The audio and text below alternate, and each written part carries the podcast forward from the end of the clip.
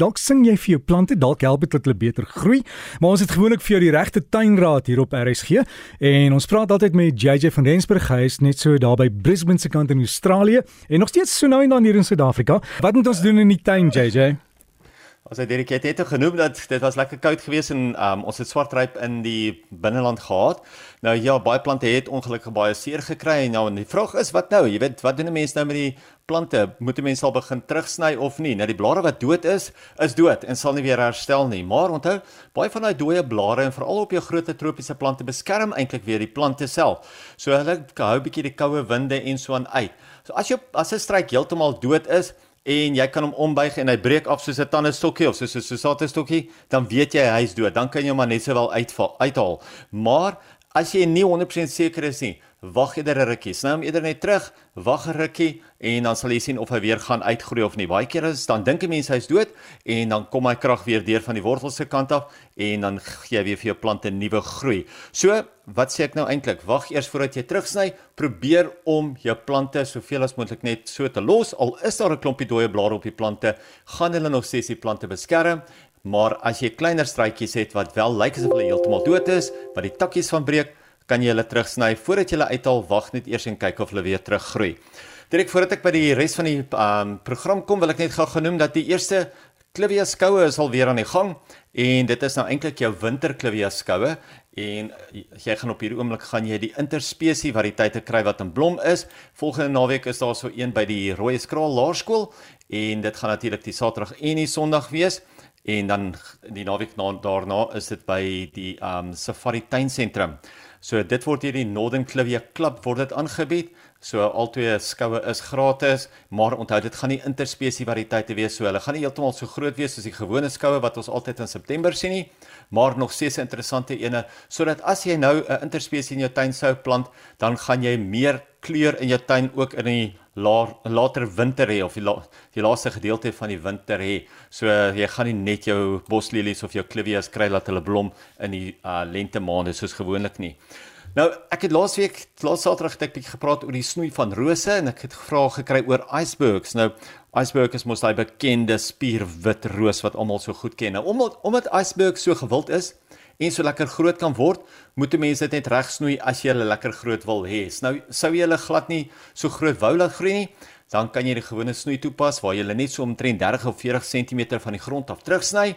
Maar indien jy groot icebergs wil hê, moet jy hulle eintlik hoër terugsny tot so ongeveer 60 cm bo die grond. Logies dan het jou plante hoër begin en dan behoort hy ook baie groter te kan groei. Selfs die iceberg standaarde se koppe kan ook nou groter gelos word.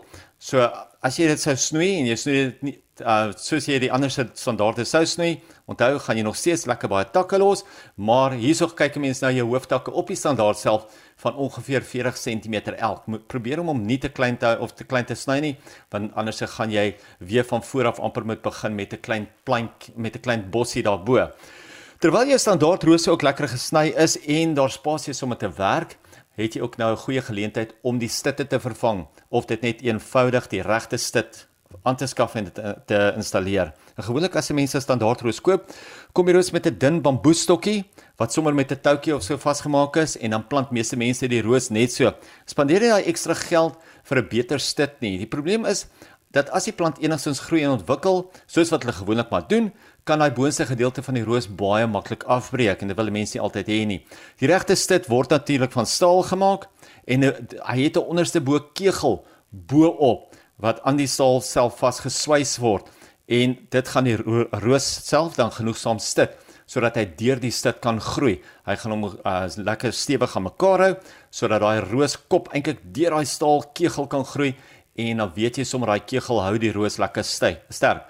As jy nie weet waarvan ek praat nie, gaan loer op die Facebook op my Facebook bladsy. Jy gaan dit sommer daarso sien Gardens by JJ. Um op die Facebook sal jy sommer sien, al die foto's ook daarso sien van die stit waarvan ek praat. Ja, en JJ net net, nou, net gou oor daai stit. Um my een buurman het nie stitte opgesit nie en hy het omtrent seker 15 icebergs geplant en ek dink die helfte van hulle se koppe het afgebreek.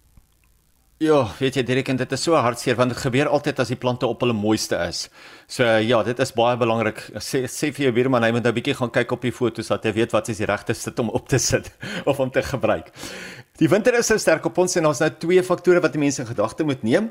om jou huis en jou tuin so warm as moontlik te maak. Nou ek praat altyd van dekla en daai tipe van goed op die grond en op die wortel self, maar wat van jou huis en wat van jou tuin? Wat van jou kuier areas? Eerstens moet jy nou kyk na sonlig. Nou, dit is eenvoudig. Hoe meer son jy jou huis en jou tuin gaan kry, hoe warmer gaan die areas in jou tuin wees, warmer gaan jou huis self wees. Ja, dis lekker om immergroen struike en bome te hê.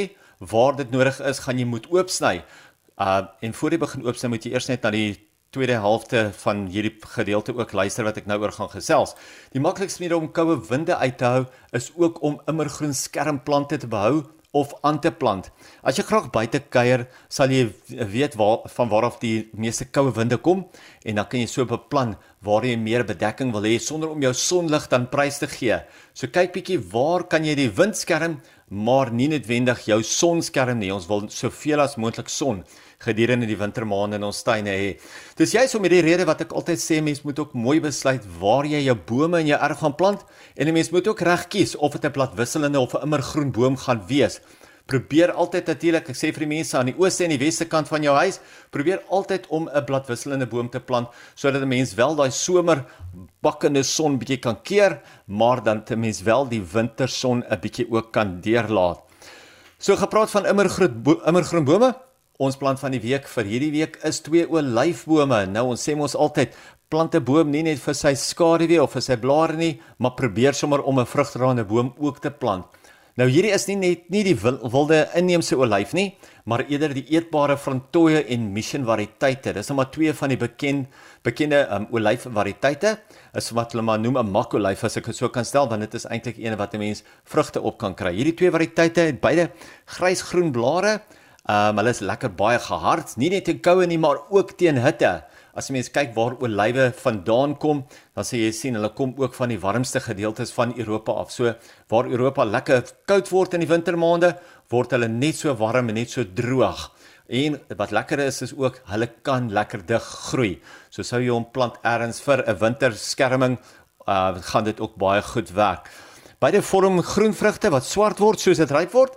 Die frontoia wat ehm um, word so om en by 4 meter hoog en hy word nie heeltemal so groot as die mission wat so om en by 9 meter hoog groei nie, maar beide is natuurlik goeie opsies vir kleiner tuine. Mense wil altyd weet watter immergroen boom kan ek plant in 'n kleiner tuin? En die die makolywe of die eetbare olywe is natuurlik baie goeie voorbeelde daarvan. Die laaste pluspunt is dat beide die boonste variëteite ook selfbestuivend is en dit so wat dit beteken is dit het nie 'n tweede variëteit nodig om ook te bestuif nie. So al het jy net een in jou tuin, gaan hy nog steeds vir jou vrugte gee. So gaan kyk bietjie uit, gaan vra by die kwekerye of hulle die Frantoia of die Mission het, dan weet jy jy kan net een van hulle plant en jy gaan nog steeds jou olywe van hom af kry. Ja, JJ en al ons olyfplase in Suid-Afrika waar die internasionale toekenninge wen met hulle olyfolies, ons moet hulle ondersteun en uh, jy moet genoeg bome plant dat jy jou eie olie kan maak, né? Is dit nie ongelooflik nie? Ek so trots op hulle